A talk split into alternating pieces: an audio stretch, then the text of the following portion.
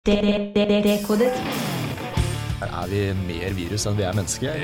Ja, genetisk er det egentlig mer av viruslignende fragmenter. Det fyller kroppen vår, fyller jo arvematerialet vårt til grader. Noen mener til og med at det regner RNA fra oven. Dekodet. Du vil ikke ha headset, du, eller?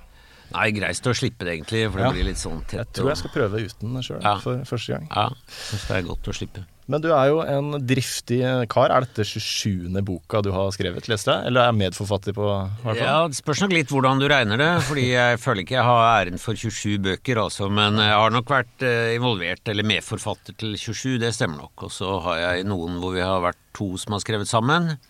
Thomas Hylland Eriksen og jeg har to, to bøker hvor, vi, hvor det er oss to sammen. Og så har jeg vel noen hvor vi er, kanskje er ja, et par hvor vi er tre, men resten er stort sett aleine, ja. For det er jo en del som har fått litt kritikk for å liksom publisere ting i tidsskrifter som ingen leser, men ikke formidle.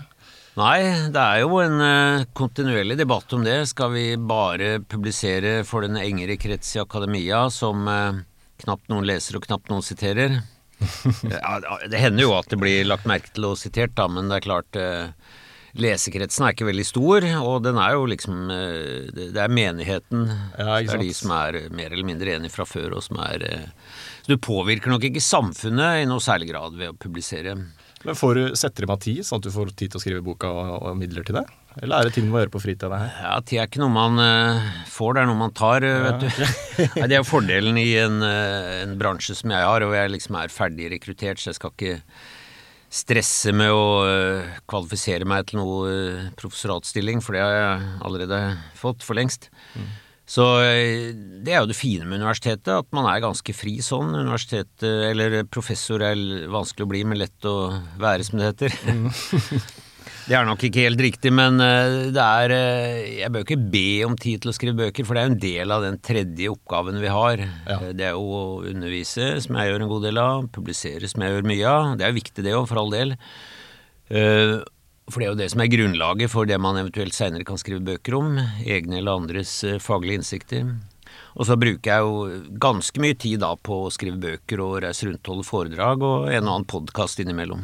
Ikke sant? Og gratulerer med en veldig eh, god bok. Jeg kom meg gjennom, Ja, uten ja. realfagsbakgrunn. Men du måtte streve litt. Jeg måtte eh, streve litt. ja, det var sitronsyresyklus og ting fra naturfagstimen som jeg måtte friske opp igjen. Ja da, jeg mener du er ikke avhengig av å huske alt det for å forstå boka. Den starter jo ganske lett og har noen lette midtpartier og slutter sånn ganske allment. Men det, det er jo litt Altså, du kan ikke forklare hvordan komplekse molekyler har oppstått uten å dykke litt dypt, men jeg tror ikke det gjør noe. Nei, hvis man må strebe litt, så er det ofte da man lærer òg, er det ikke det? Jo, jeg tror det. Det, er, det ene er jo dette 'never underestimate your audience', som eh, Det gjør du ikke.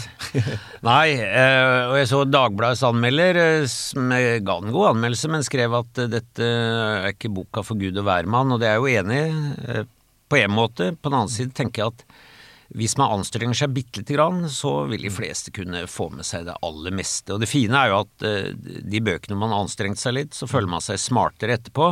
Absolutt. Nå har jeg skjønt noe jeg ikke skjønte før, og det er jo eh, det er kjennetegnet på en eh, god fagbok, syns jeg. Ja, definitivt. Jeg likte veldig godt innledninga på boka. Hvordan du satt scenen liksom, da du var liten gutt og under stjernehimmelen. Og så fikk du denne her innsikten som du trodde var unik, om at ja. det er strukturer som er del av større strukturer, og så bare fortsetter det. Og så tenkte jeg, er det egentlig så idiotisk eh, tanke det, da? For jeg syns jo solsystemet minner mistenkelig mye om et atom. Ja da, det gjør det. Nå er det nok ikke sånn at uh, det, elektronene sirkler rundt uh, og atomskallet er en kjerne osv., så, videre, så det er ikke riktig så, sånn som vi ser for oss. Men eh, det er jo noen eh, likhetstrekk, så tanken var ikke så dum egentlig. Og eh, selv om den definitivt, definitivt ikke var så genial som jeg så for meg.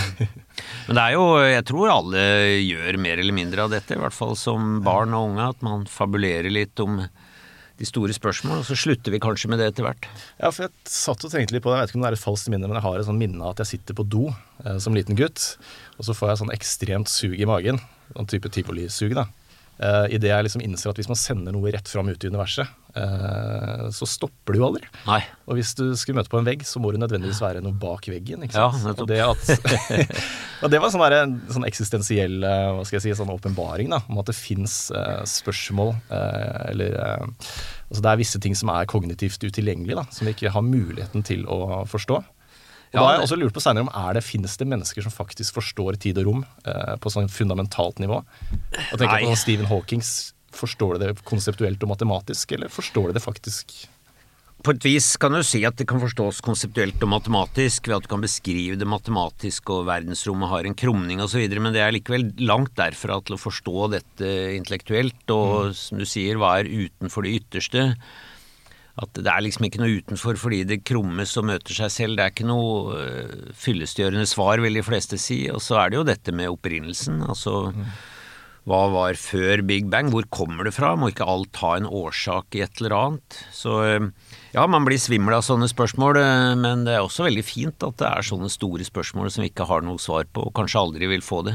Men er det hjernen vår som begrenser oss?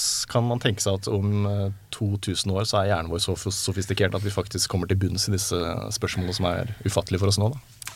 Nei, kanskje ikke hjernen i seg selv, da, men den utvidelsen av hjernen som vi nå eh, lenge har vært i full gang med gjennom eh, IT, ikke, ikke minst da sånn iterativ, intelligent læring, smarte systemer som eh, selvfølgelig Vi må sette i gang prosessene, men etter hvert så vil jo de løse ting som vi knapt hadde kunnskap til å spørre spørsmål om. Ja. Um. Så jeg tror vi vil vite mye mer, men om vi kommer liksom dit hen at vi kan forstå akkurat universets opprinnelse, og For det er noe med hva du putter inn i modeller og prediksjoner, mm. og hva du fòrer uh, intelligente enheter med. Så det er jo ikke gitt. Altså, de klarer ikke å ekstrahere disse svarene fra tynn luft. Nei, ikke sant. Og Stephen Hawkings analogi uh, på spørsmålet hva skjedde før Big Bang, han sier at det er som å stå på Nordpolen og spørre hvor er nord. Mm. Og spørsmålet i seg selv gir ikke mening. Nei. Og det, jo, det, hjelper jo litt på vei, men det er ikke helt tilfredsstillende. For jeg har ikke noe større forståelse av hva tid er for noe. Nei, vi, bruke den analogien, da. Nei, vi gjør ikke det.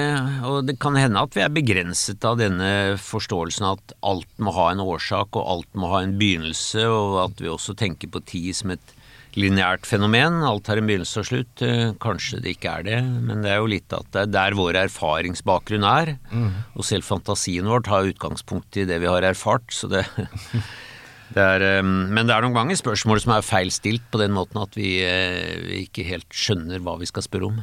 Men det som overrasker meg litt, er at det er så vanskelig å definere liv også. Det skulle jeg tro var enklere, men uh, det viser seg at det er ikke så uh, lett å gi en presis, kort beskrivelse eller definisjon av hva livet er for noe. Nei, men det er jo likevel altså, jeg, Det er to store opprinnelsesgåter. Det ene er jo universets, eh, og det andre er eh, livet. Noen vil også si at selvbevisstheten, det at vi har kommet så langt at vi kan sitte og spørre disse spørsmålene her og diskutere, er en form for mysterium. men i hvert fall når det gjelder opprinnelsesgåter, så er det jo universets og livets opprinnelse. Og det siste er mindre mystisk enn det første. Og jeg mener også vi langt på vei kan forklare hva liv er, men eh, kanskje litt sånn paradoksalt så er det ikke noe sånn entydig definisjon. Nei. Dette er liv, sånn wikipedisk eh, konsist. Men når vi prøver å definere liv, er vi da egentlig litt over i semantikken? At vi prøver å måte gjøre begrepet liv mer presist enn det at vi prøver å finne en sannhet om universet? For universet bryr seg ikke om kategorier, om ting er dødt eller levende. Det er jo Nei. vi mennesker som uh, prøver å sette ting i kategorier for å prøve å forstå verden bedre. Da. Så det at vi ikke klarer å sette ett sylskarpt skille, er kanskje et mm. tegn på at uh, det ikke er et sylskarpt skille der, da, men at det er en gradvis overgang. Ja, jeg mener jo det er det. Og um, det er klart mye av dette er uh, semantikk språkbruk, hvordan vi bruker ordene. Og vi har lett for å bruke begreper som egentlig ikke passer, men som vi likevel i mangel av noe bedre bruker. ikke sant? Den gamle diskusjonen om egoistiske gener. Mm eller om eh, livet har vilje. Altså, det er jo En bakterie har jo for så vidt en intensjon, men det er likevel et feil begrep, for den planlegger ikke, og et, mm. et gen viderefører jo seg selv, eller et genfragment, så langt det er mulig, så vi kan på, på, gjerne på bekostning av andre, så vi kan si at det er egoistisk, men vi skjønner jo at eh, mm. det er et begrep vi bruker i mangel av noe bedre. Og sånn er det nok med mye i livet også, men eh, nei, vi må definere livet liksom ved et sett med kriterier, ikke ett enkelt. Ja, du la fram eh, var det fem kriterier eh, for liv? Ja, det er et sted mellom fem og ti. Det viser hvor upresist. Noe er man liksom enig om. Liv er informasjon, ikke sant. Det må være kodet ned et eller annet uh, i DNA eller hos noen RNA som, som, er på en måte oppskriftsboka. Så alt liv må ha den type informasjon. Og så må det være et eller annet som oversetter dette. Og så må selvfølgelig liv Liv er jo kjennetegna ved å ha en metabolisme, altså et stoffskifte, som gjør at vi motvirker entropien. Vi kan utnytte energi til å holde oss selv gående, oppreist og kroppen sammen. Og så er det mye mer vi, som eh, passer kanskje på noe liv, men ikke like godt på annet. Men eh, liv har jo også en struktur, eh, ofte en bevegelse, og så kan vi si at det å det å formere seg, eller evolusjon vil noen si også er en del av livet, og til og med noen vil si at døden er en, uh, hører med til definisjonen på livet. Ja, for Jeg prøvde å finne noen huller i de der eh, kriteriene. Jeg tenkte at det liksom må jo gå an å definere liv på en kortere, mer presis måte. Men det er sånn, så først tenkte jeg ok, hvis vi definerer liv som alt som har arvestoff, da. Mm. Da får du dette problemet med virus, ikke sant? for virus har jo også arvestoff. Men det er ikke alle som er enig i at det er liv. Nei, og du kan jo ha Det er jo masse dødt arvestoff der ute. Ikke sant? Ja. Som eh, ikke da teknisk sett er liv. Eller at liv evolverer, men ja. Eh, før det var liv, så var det jo ikke-liv. Så du må jo ha evolvert fra ikke-liv til liv på en eller annen måte. ikke sant? Så. Ja, det er på en måte en eh, evolusjon før Darwin tar fatt. Og så kan du si at det er mange andre ting som evolverer også. Vi har jo kulturell evolusjon. Mm. Som ja, vel kan si at det, det må jo springe ut av liv, men Eh, nei, det er vanskelig å ha noen presis definisjon. Ja. Noen prøver seg å si at liv er energi, og liv er informasjon, men eh, ja, altså en bil for eksempel, i hvert fall moderne eh, Tesla kan kvittere ut på mange av, mm. av kriteriene her, og for ikke å snakke om en ganske smart robot. Mm. Men de har liksom ennå ikke klart å evolvere da, og, ja, og, utvikle seg selv. Og de har jo informasjon, men ikke DNA-basert informasjon, da, men binær informasjon koda inn i en digital kode. Ikke sant. Men eh, et klart skille mellom eh, det døde og det levende, tror jeg du skriver i boka, det er at uh, livet eh, prøver å motsette seg entropien, da. Ja. Eh, eller motvirke entropien. Mm. Kan man ikke bare bruke det som definisjon?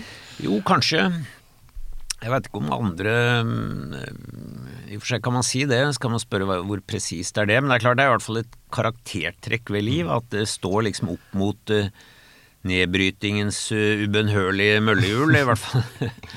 så en stund, da. Ja. Men så tar det jo slutt.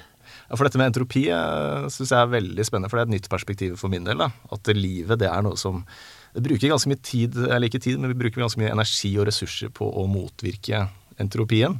Og det gjelder både for, jeg tenker det kan overføres til samfunnsliv og kulturliv. og Bare det at vi opprettholder eh, velferdsstaten Norge. Vi bruker mye energi på det. Så langt i form av fossilt brensel. Veldig mye, ja. Og det er jo det som er interessant. Jeg prøver å trekke noen sånne lange linjer. Eh, ikke sant? Fra en bakterie til storsamfunnet, eller New York, så er jo alt karakterisert ved at eh, du bruker masse energi på å opprettholde deg selv. Og det moderne samfunn er jo helt utenkelig uten at vi pøser på med energi. Det er jo det som gjør uh, forhandlingene i Glasgow nå så vanskelig, ikke sant. Vi er mm. avhengig av uh, stadig mer energi, og per i dag har vi ikke nok av den som ikke er fossil. Det er vel sånn at jo mer komplekst uh, ting er, jo mer energi kreves for å motvirke entropien? Ja, det kan du godt si. Det er klart at et stort bysamfunn eller et, en stor stat krever jo absurde mengder energi. I hvert fall sånn som vi har gjort det til nå, da. Mm. Så det er jo det moderne samfunnet. altså et, et enkelt eh, landbrukssamfunn som eh, Vi skal bare en generasjon tilbake, som min far vokste opp i, så hadde jo så å si ikke energi, annet enn den veden de fyrte på ovnene. De hadde ikke engang eh, strøm når han var liten, så ikke noe motorisert. Alt var mekanisk, hånddrevet eller hestedrevet. så men eh, i løpet av et par generasjoner så har vi jo fått da et samfunn som er til de grader eh, energijunkies. Ikke sant. Eh, men for universet, hvis jeg har skjønt det riktig, det streber mot en uh, utligne alle energinivåer. Ja, eh, strebe i anførselstegn. Ikke sant, strebe i anførselstegn. ja. uh, så, så hvordan har det da gått fra dødt til levende? For da, hvordan har det evolvert fra dødt til levende? Uh, for det betyr jo lavere grad av entropi. Ja, ja, nei, det er det som er uh, selve cruxet. At, uh, og det begynte nok Altså, mange enkle Altså enkle, lette atomer ga jo, uh, eller grunnstoffer ga jo opphavet til tyngre, så allerede der er det en Men det var jo drevet av enorme energimengder, da. Dette var jo i De tyngste elementene ble jo dannet i eksploderende supernovaer, så det var mye energi som har gått med til å danne Særlig de stoffene som er fra karbon og tyngre. Eh, men eh, så lenge vi har sola som står der og brenner eh, og skaper denne energien, så er det det som på en måte kjennetegner ikke alt liv, men veldig mye liv, at vi kan bruke denne solenergien på intrikat vis til å bygge opp da disse livsformene. Og man kan spørre ja, hvorfor ble det sånn, og det er vel der selve livets essens kommer inn. Altså at vi har fått uh, Vi fikk nukleotider og arvestoff, og de som klarte å videreføre mer av seg selv, var jo på en måte seierherrene. Så du fikk et sånt selvgående kappløp på en måte om å produsere mer av seg selv og bruke energi for å gjøre dette.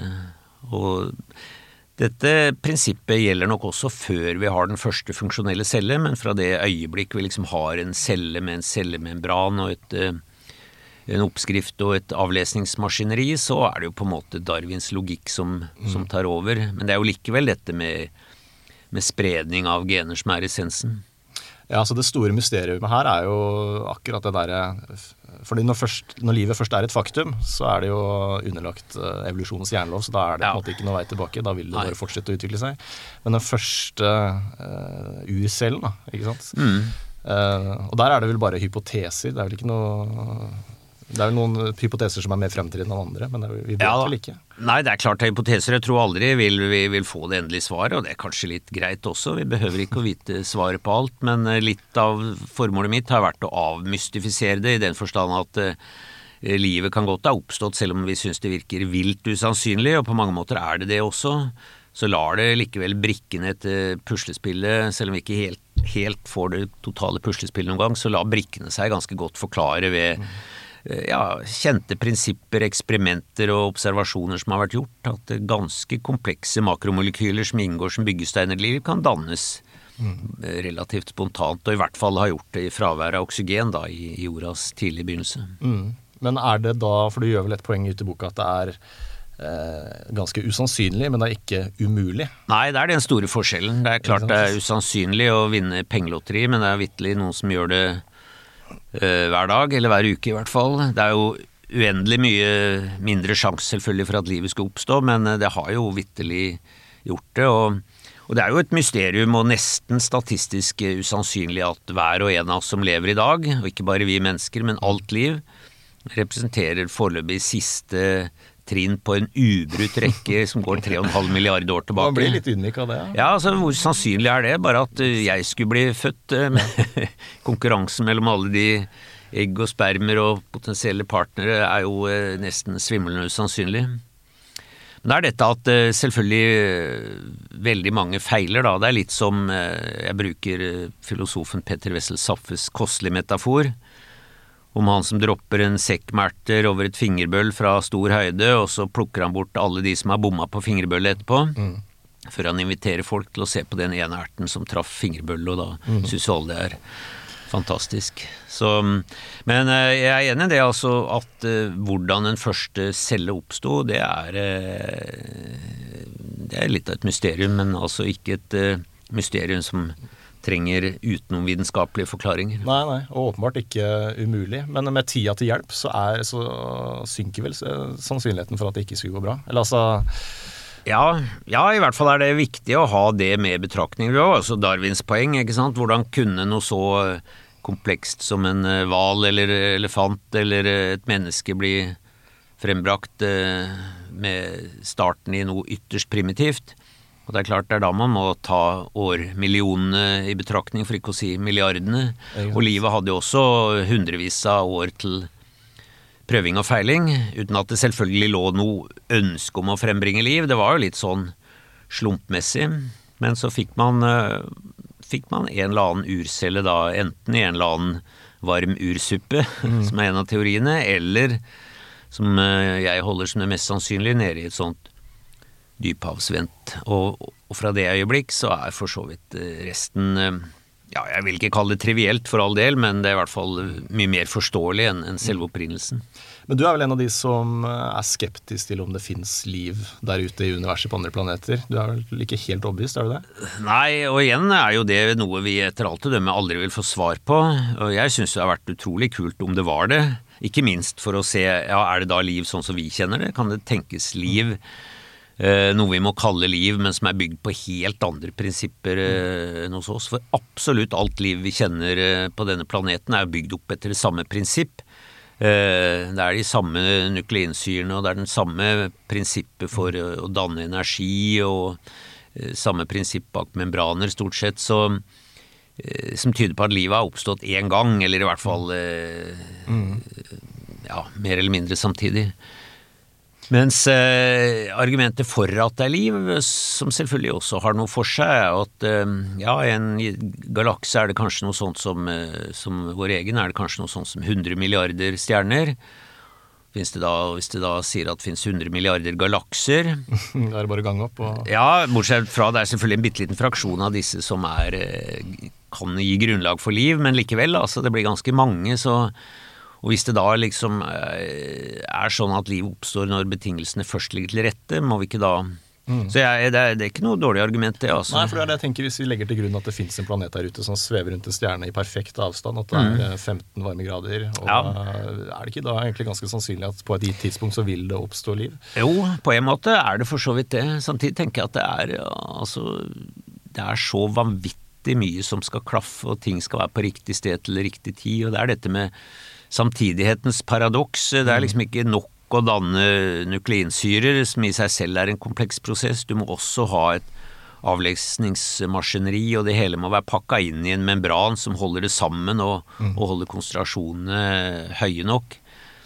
Så det er dette samtidighetens paradoks også. Men eh, nei, altså jeg, jeg er helt med på de som uh, sier at med så mange planeter til rådighet, så, så er det sannsynlig at det i hvert fall er noe, noen enkle livsformer som putrer rundt det. Ja, så er det en, er litt deprimerende tanke å tenke at vi er helt aleine da, i det store intet. Ja, jeg er enig i det. Det gir en sånn ja, ensomhetsfølelse i det store, kalde universet, samtidig som det da gir og, Men det gjør det jo uansett, altså. Jeg ja. mener for meg et, en sånn intens følelse at da er det jaggu meg desto viktigere å ta vare på, ja, på den ene planeten vi, vi veit har liv. Men får du det av og til du også? Jeg fikk jo det litt når jeg leste denne boka her. At jeg syns det er utrolig spennende å jakte de der, eller følge de der tankene om store eksistensielle spørsmål. Jeg kan også kjenne på sånn der ekstrem bunnløs meningsløshet og nihilisme. Uh, man blir ikke lykkelig av å jakte de spørsmålene. Nei, kanskje ikke. Kanskje, det, er, det slags, ja, kanskje det er et slags sånn eh, tidsfordriv for å slippe å tenke på For å slippe å bli nihilist. Um, nei, jeg mener jo at uh, Jeg er jo ikke religiøs og ser ikke noe mening med liv som er gitt av noen ytre kraft, men samtidig så syns jeg jo det er meningsfullt å spekulere i disse tingene. Jeg oppfatter jo vitenskap og forskning som meningsfullt, og selvfølgelig kanskje i, i våre tider spesielt meningsfullt å bidra til å, at denne planeten kan opprettholdes da, med alt det ekstreme mangfoldet som har utvikla seg. Absolutt. Og, men på et gitt tidspunkt så tar det jo slutt uansett, ikke sant? når sola sluker oss. Og, det gjør det, ja da. Og det er vel prosjektet til Elon Musk, da, at han prøver å gjøre menneskeheten til en multiplanetarisk eh, art. Ja. Og ja. han gjør seg på en måte litt uangripelig, for han har jo fått mye kritikk og sånn på Twitter for at hvorfor bruker du ikke penger og ressurser her på mm. jorda og fikser våre problemer. Og så er jo argumentet altså at uh, jeg prøver å få menneskeheten til å overleve, på en måte. Jeg har et større prosjekt her. Til evig. Og jeg, mm. jeg, må jo si at jeg er litt svak for det argumentet. Jo, jeg, jeg er heller ikke fremmed for det, for det er klart altså noen de, for, Når man spør mennesker hva forbinder du med framtiden, så er det forbausende mange som tenker frem, 15 år fram i tid. Det er studier som viser dette, at der slutter liksom framtiden for de, eller kanskje 30 år, eller kanskje min egen levetid, eller barna, eller i aller mest ekstreme fall barnebarnas.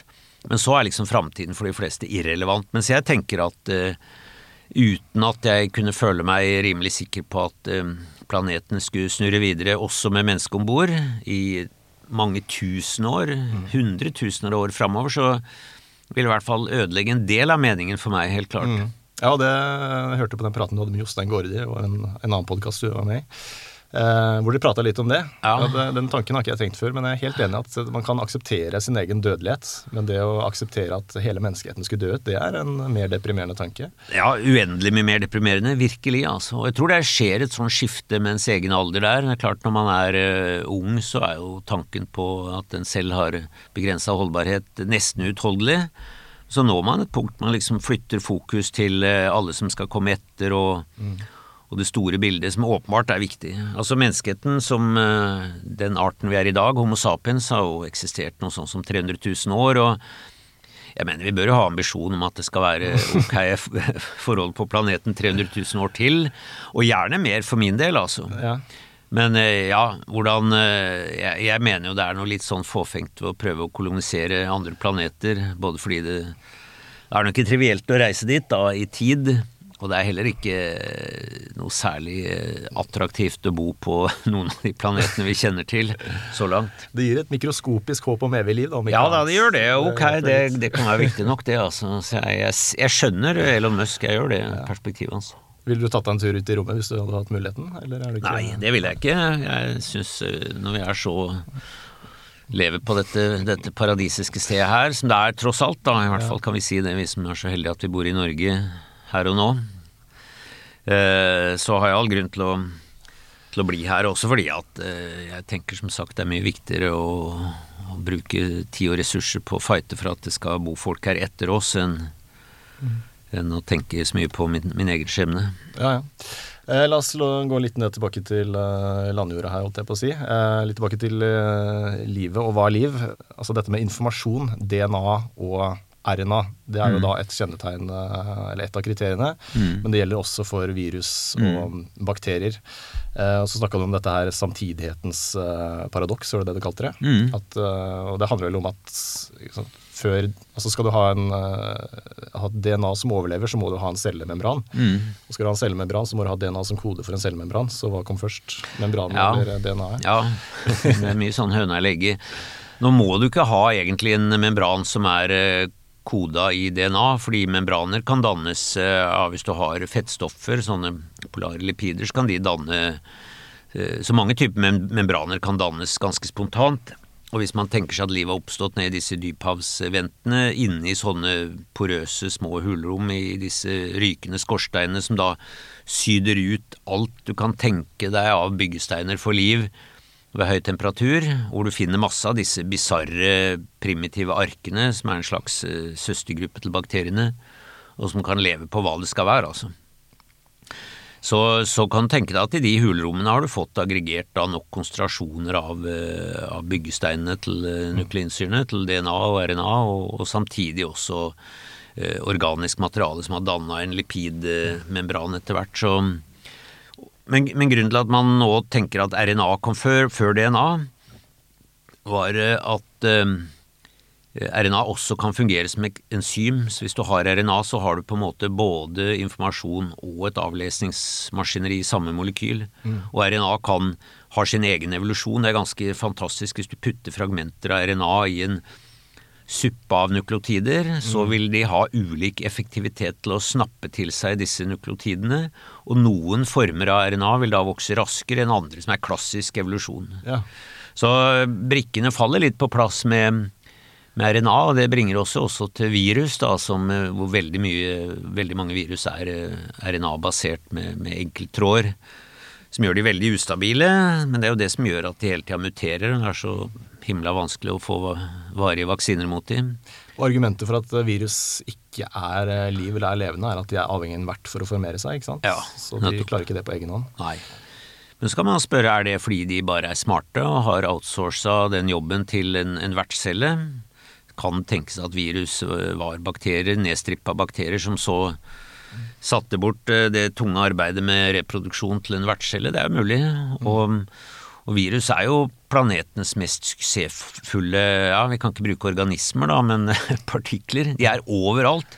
Ja, for det har jeg lurt på. Hvor mye virus er vi omgir oss med? Og hvor mye har vi i kroppen? Det er overalt. Det fyller ja. kroppen vår, fyller jo arvematerialet vårt til grader. Det fyller havene. Noen mener til og med at det regner eh, RNA fra oven. og Enhver organisme, også bakteriene, er fulle av eh, virus og domineres av virus. og Og noe av det som jeg har forska på tidligere, er jo dette med hvordan arvestoffet også er fylt opp av viruslignende fragmenter. Det syns jeg er ganske kult. Ja, for du skrev i boka, satt litt på spissen, at vi er, er vi mer virus enn vi er mennesker? Ja, ja, genetisk er det egentlig mer av viruslignende fragmenter. Altså under 2% av, av arvematerialet vårt, av genomet, er eh, proteinkodende gener.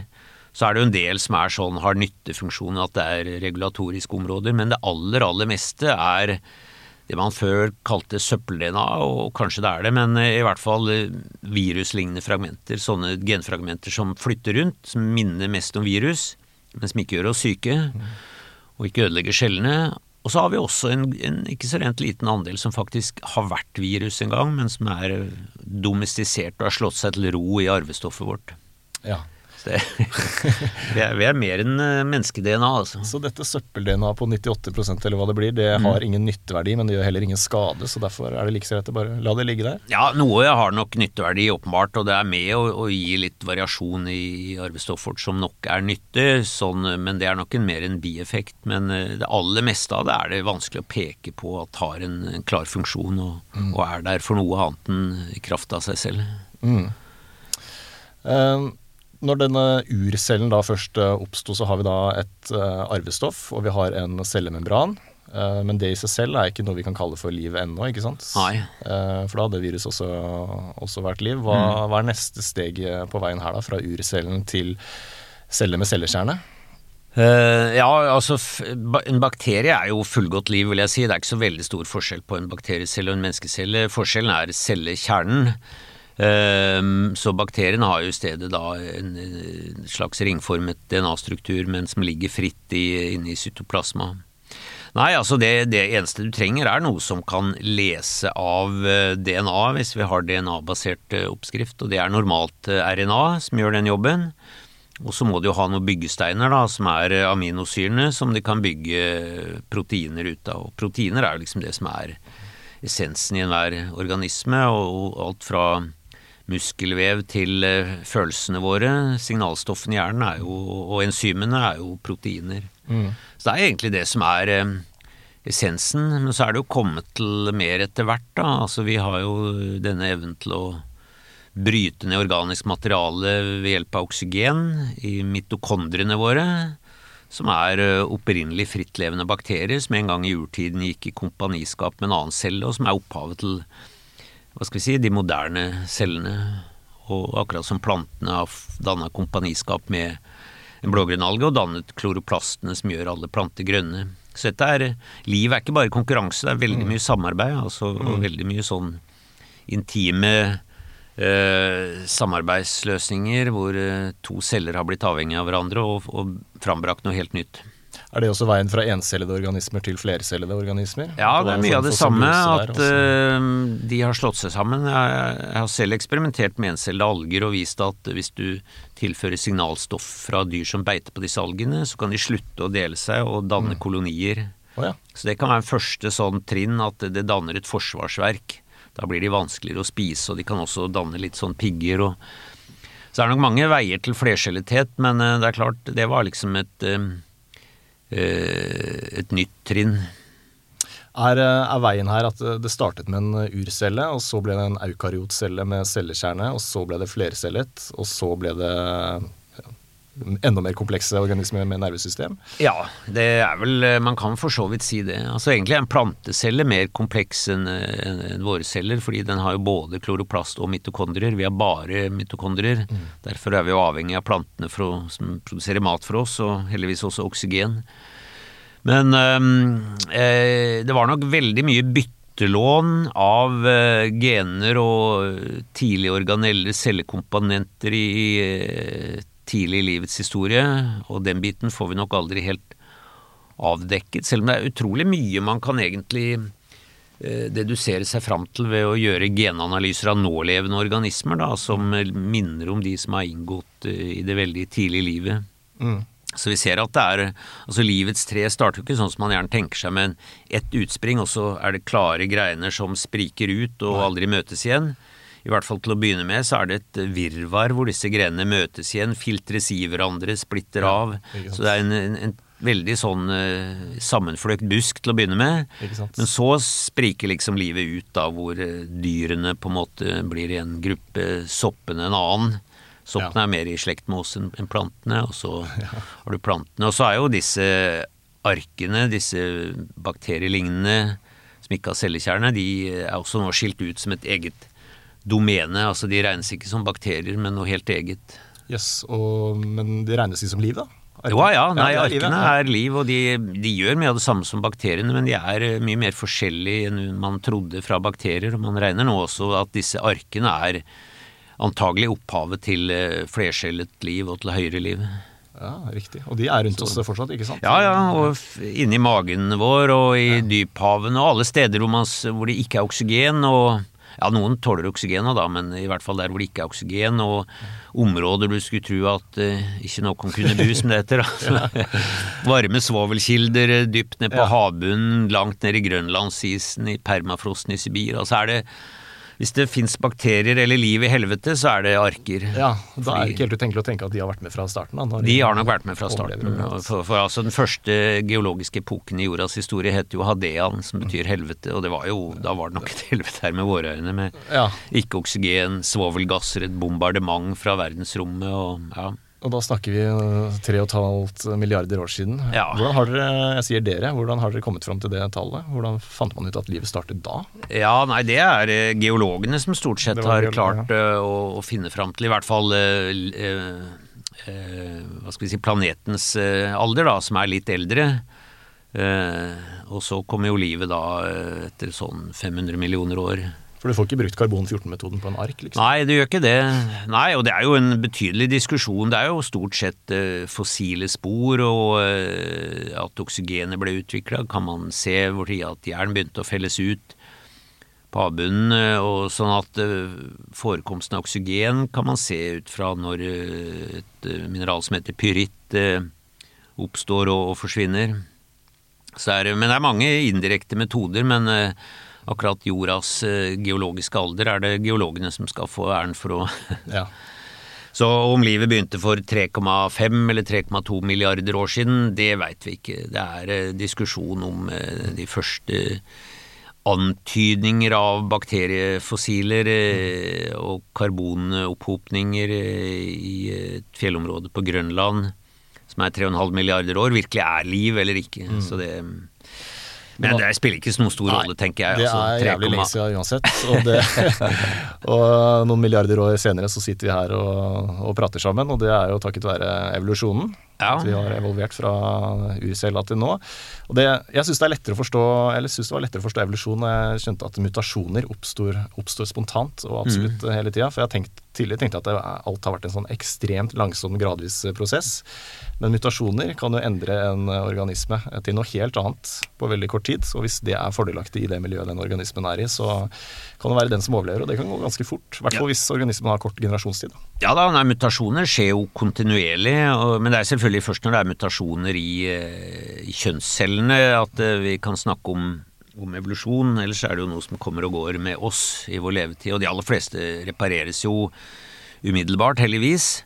Og de fleste mutasjoner er trivielle, de betyr ikke noe, men innimellom så er, en, er det en mutasjon som liksom trekker et vinnerlodd for organismen da, og gjør, eh, gjør noe positivt. Eh, nå er det andre måter revolusjon fungerer på. altså Du kan ha ganske mye mer dramatiske endringer. Plutselig kan hele ett kromosom eller hele arvestoffet dublisere seg. Det har skjedd noen ganger.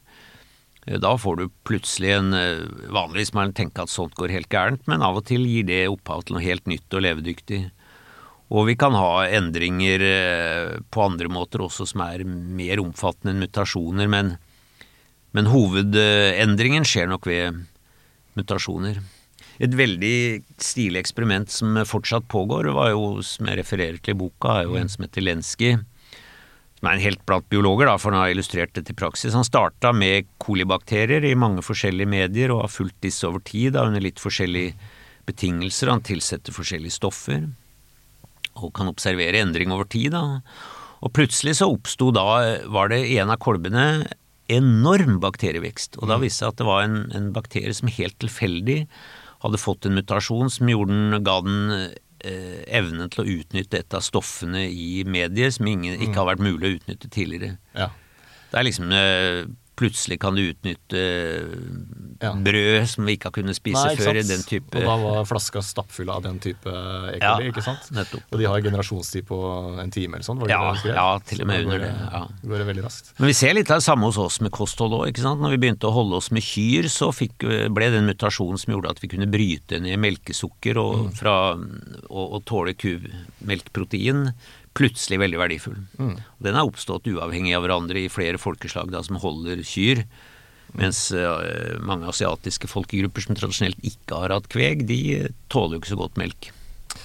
Nei, Er det ikke sånn at uh, majoriteten av jordas befolkning ikke tåler melk? egentlig? Jo, det er nok det, ja. Det er vi som har mutert Ja. Inn, og, Ja. Og vi har også endra vår, siden vi har fått mye mer stivelse i kostholdet, siden vi begynte å dyrke korn osv., så, videre, så har vi fått endra enzymaktivitet også. Så evolusjonen pågår kontinuerlig hos oss også. Hvis uh, Elon Musk ikke lykkes med sitt eh, prosjekt, hvor lenge tror du menneskeheten kan eh, Eller for å stille spørsmålet på en annen måte, hvor, eh, hvordan tror du menneskeheten ser ut hvis vi fortsetter å evolvere oss i det tempoet her om eh, 2000 år? da? Eh, Ganske lik som nå, faktisk. Ja, du tror det? Ja, jeg tror det. Altså vi Kroppslig sett, og også når det gjelder eh, tanker og følelser og lyster og laster, så er vi nok ganske lik nå det vi var ikke bare for 10 000 år siden, men også 100 000 år siden. Så Og vi er jo ganske Vi er jo også faktisk forbausende like sjimpansen genetisk, da, selv om det Der eh, har det foregått mye. Men det, da Vi skilte jo lag for fem til sju millioner år siden nå. Så nei, altså jeg tror eh, i overskuelig framtid vil vi se ut som nå, så det er mer et spørsmål om hva, hvordan vi vil skjøte på våre egne, egne egenskaper med teknologien. Ja. Pluss at vi selvfølgelig nå har fått evnen til å endre vårt eget eh, arvestoff, eh, og på en måte ja. gå utenom evolusjonen ved å bruke denne CRISPR-teknologien og andre typer sånn finsløyd på, på arvestoffet. Men denne CRISPR-teknologien føler jeg har hørt om i 15 år, eller 10-15 år. Men uh, har det kommet noe gjennombrudd der? For det er ikke sånn, det, var, ikke- det virker ikke som det er så revolusjonerende som de først uh, predikerte. Nei, altså til å begynne med er det jo sånn at alle tror at dette vil uh, kullkaste alt og endre spillereglene fullstendig, men den er ikke så gammel, den CRISPR-teknologien. og den, den, eh, Men man skal jo være litt forsiktig med den. Den brukes jo nå i stor grad eh, til eh, selvfølgelig eksperimentelt og i forskning, men også på en del genmodifiserte planter og dyr og mikroorganismer. Og det er jo ikke mer enn Det er ikke så mange år siden den ble belønna med Nobelprisen. Så nei, det er den og noen andre. Altså den, den utvikles jo også stadig vekk. Men prinsippet er at du med en helt annen presisjon enn tidligere kan skreddersy eh, arvestoffet. Så det er det samme som genmodifisering, bare Ja. på en mer raffinert nivå. Ja, det er det. Det gamle var liksom gensløyd med polvotter, men her er det med skalpell og, og lupe. Men den er liksom, altså det er likevel ikke sånn at du bare kan gå inn og skru på et gen og så få en fiks ferdig annen egenskap. Du kan liksom ikke enkelt genmanipulere mennesker fram til mer empati eller høyere intelligens, for det er eh, et konglomerat av gener som samvirker, så jeg tror eh, på, på sånne type ting som kanskje er det som kjennetegner det som er et menneske, så tror jeg nok ikke vi skal ha veldig store forhåpninger om at CRISPR kan gjøre oss bedre, men eh, på mange sykdomsområder som er eh, distinkte genetiske sykdommer eller lidelser, kan vi helt klart gjøre veldig mye.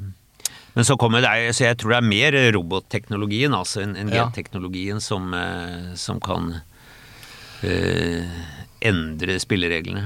Ja, det er vel eh, også prosjektet til Ellen Musk, for å dra inn han igjen. da. Det er Ja. Neurolink han driver med, hvor eh, tanken er vel at vi skal leve i en slags symbiose med teknologien. Ja. Operere inn en chip i hjernen som kan hjelpe oss. å- Ja, jeg, vet ikke om det er noe uh, løfterik framtid. Det er jo litt det som Harari advarer mot også i sin bok, at du får liksom noen kanskje som tar alle disse midlene i bruk. Og... Men det er klart, drømmen om evig liv og drømmen om et perfekt menneske lever jo. Det er det som gjør at enkelte velger å fryse seg ned i et, uh, etter mitt skjønn, ganske naivt håp om at de kan tines opp igjen Ja, til helt andre muligheter om tusen år. Ja det er desperat. Da tror jeg fryseren har tint lenge før det. Sorry. Jeg skal innrømme at jeg har vært innom tanken og googla det, men Mm. eh, jeg tror du må inn med en del midler for å få råd. Ja, og jeg tror det er eh, naivt rett og slett selv på flytende nitrogen så skjer det en, en nedbryting. Det gjør det. Og er det noe man egentlig vil, da? Fordi eh, Nei, det er det også. Hvem ønsker å Hvis det nå mot all formodning skulle blitt mulig å våkne opp eh, omgitt av fremmede mennesker i en fremmed verden, og kanskje en verden som er mye verre enn den vi har i dag, for alt du vet. ja. Nei, jeg- jeg- Ikke jeg, i hvert fall. Nei, jeg er ambivalent, så må jeg innrømme det. Hva tror du tar eh, knekken på oss til syvende og sist, da? Nå som vi har vært gjennom en pandemi, så ville vil nok mange svart virus, tror jeg. Ja, jeg tror ikke det, fordi at eh, selv om denne pandemien eh, er jo fortsatt da, men den er tross alt temmelig mild og ikke noe livstruende. Det er marginale dødstall i forhold til mange av de store pandemiene vi har hatt før. Og vi får jo stadig bedre vaksinemuligheter. Og, så jeg, jeg tror ikke, selv om det garantert vil komme nye pandemier, så tror jeg ikke det er eh, slutten. Uh, på noen måte.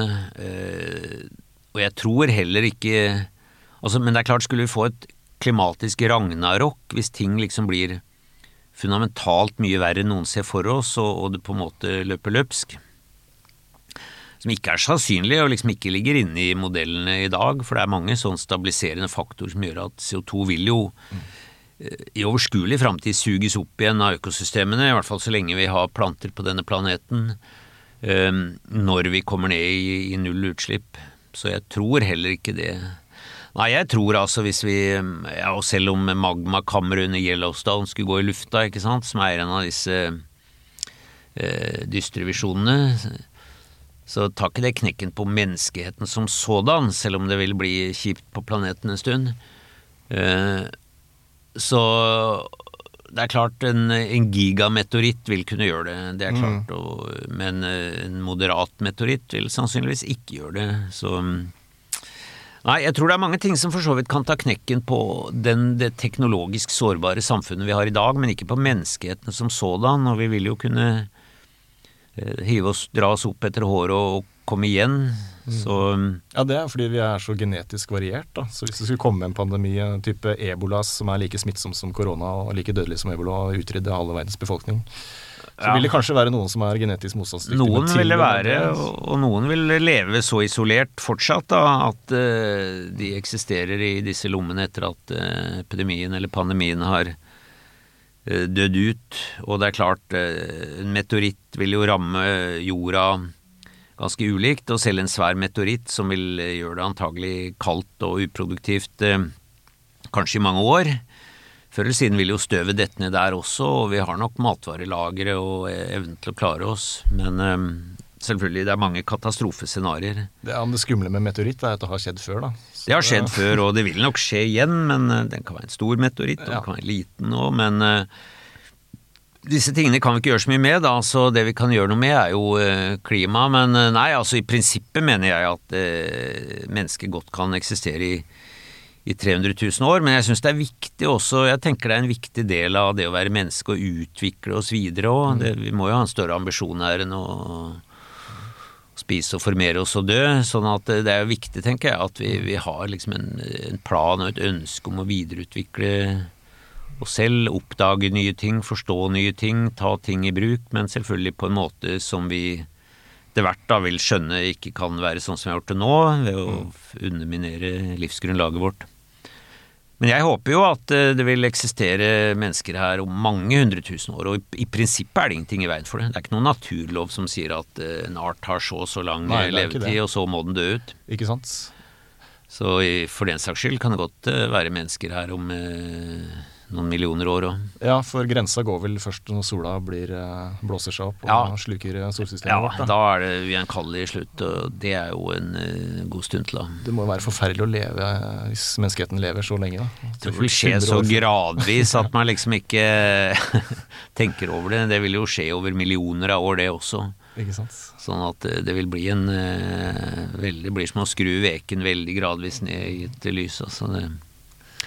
Nei, jeg setter min lit til Elon Musk, i hvert fall. Ja da, det er jo Uansett kan vi være glad vi som lever her og nå, tenker jeg. At uh, selv om det har vært kult å visst hvordan verden så ut om uh, 100 000 år, så er det kanskje greit ikke å vite det òg. Og leve i troen på at det fortsatt skal være helt greit her da. Ja, man får i hvert fall ting gjort da, når man vet at man er dødelig og har en begrensa tidsperiode her på jorda. Ja, det tror jeg er en viktig Det skrev jeg, jeg har jo et kapittel om død her også. Jeg tror det er en viktig del av denne dødserkjennelsen. Den er ikke bare negativ, den gjør jo at vi har lyst til å utrette ting, og den gjør at vi eh, føler at vi må bruke dagen. Mm. Og dette, dette med at mennesker burde ha større ambisjoner enn bare å overleve, da er vi jo nesten over eh, på meninga med livet. Ja. Da burde vi hatt uh, litt promille og en flaske vin, kanskje? Ja, ja, jeg, jeg, jeg, behøver ikke det for å tenke på det. Jo, men, men kan man gi et godt svar på meninga med livet uten Det hjelper jo alltid, jeg er enig i det. Um, ja, skal jeg kline til, da? Meninga med livet? Jeg tror, altså Hvis man spør en evolusjonsbiolog om meninga med livet, så får man ikke ofte til svar at det er å spre genene sine videre.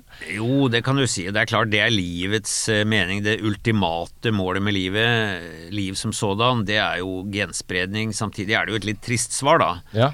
Eh, hvis det ikke er mer enn det.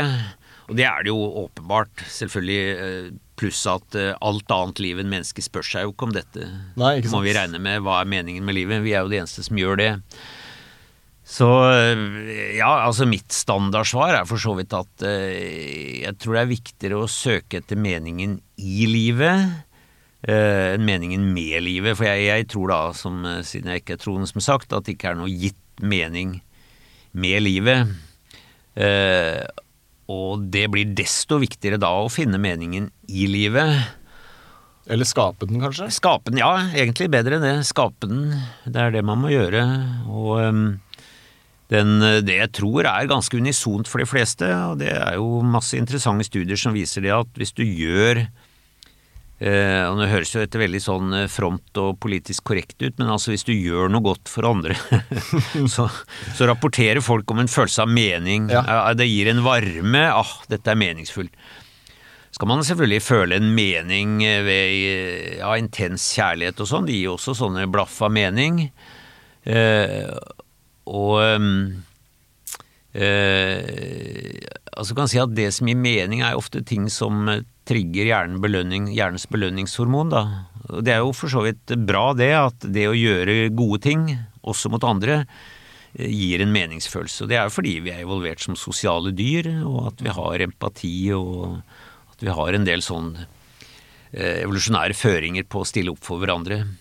Så de fleste vil nok si at eh, det å bare gjøre ting til beste for seg selv, gir ikke den samme type mening, i hvert fall. Mm. Så, men det koker jo ned til en eh, individuell greie. Det, noen kan si at det gir mening å dø med flest mulig penger på i banken. Mm. Noen vil si at det gir mening å etterlate seg flest mulig bøker, eller å, og noen vil tenke at det beste er å leve her i nuet, og så her og nå, ikke bry seg om hva som kommer etter.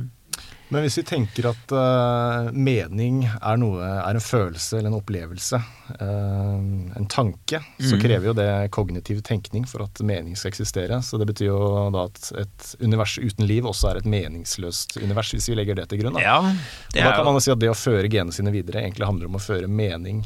Ja, jeg er med på den, absolutt. Hvis man ser det som et uh, prosjekt i den biten, og ikke tror at man selv er så unik at det av den grunn er viktig å føre en selv videre. Men klart, det å få barn er, gir jo også for de fleste en, følelse av mening. Det er jo liksom en sånn uh, følelse av Jeg har i hvert fall gjort noe her i livet. Om det er bra eller dårlig, men jeg har i hvert fall brakt uh, meg videre. Og alt, uh, alt, med meg dør ikke ut når jeg forsvinner. Nei. Så jeg tror nok de fleste vil tenke på det som meningsgivende, men det er viktig at det fins veldig mange andre typer Uh, mening, og det å spre det vi kan kalle et godt mem, eller gode memer, altså gode mm. ideer, uh, noe som gjør samfunnet bedre på et eller annet vis, en mm. kjempesmart oppfinnelse, eller hva det måtte være.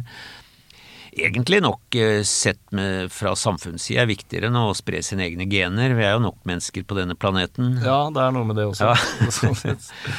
Så, men ja Følelser er jo egentlig det som går forut for Vi kan ikke tenke og vi kan ikke ville før vi føler, som ja. jeg ofte siterer Damasio på.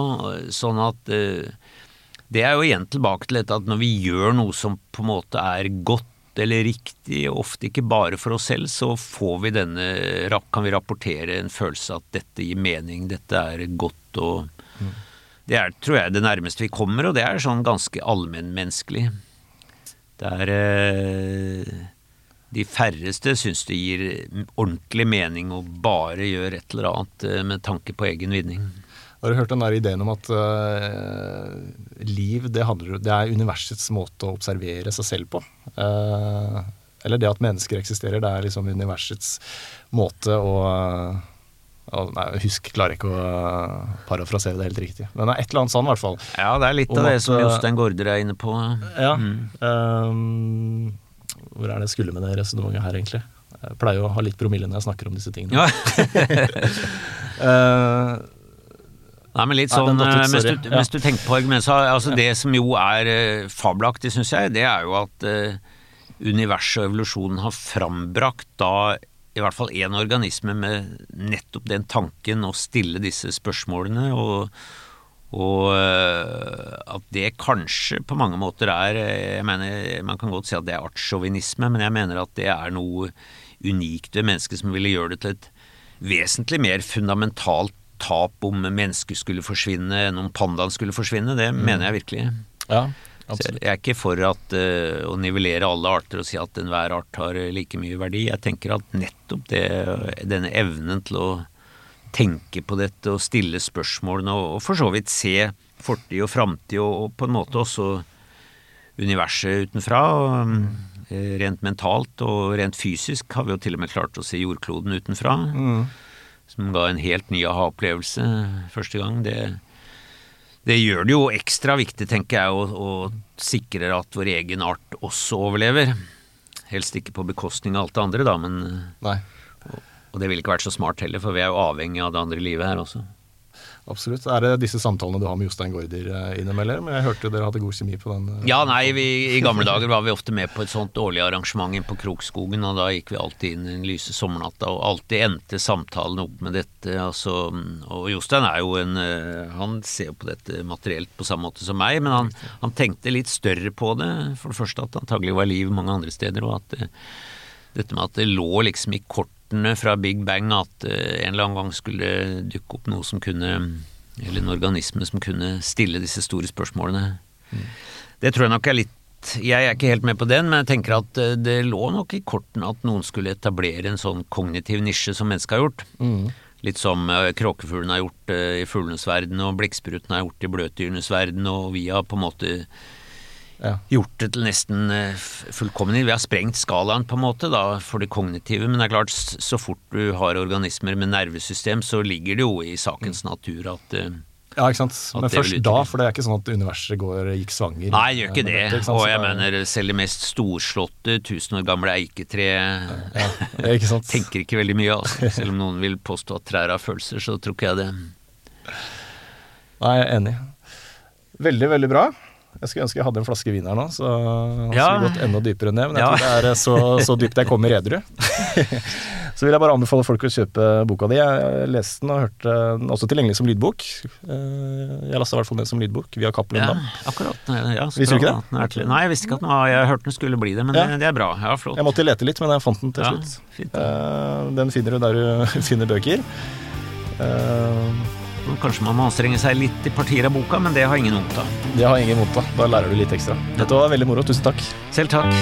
Denne podkasten er produsert av Tid og List.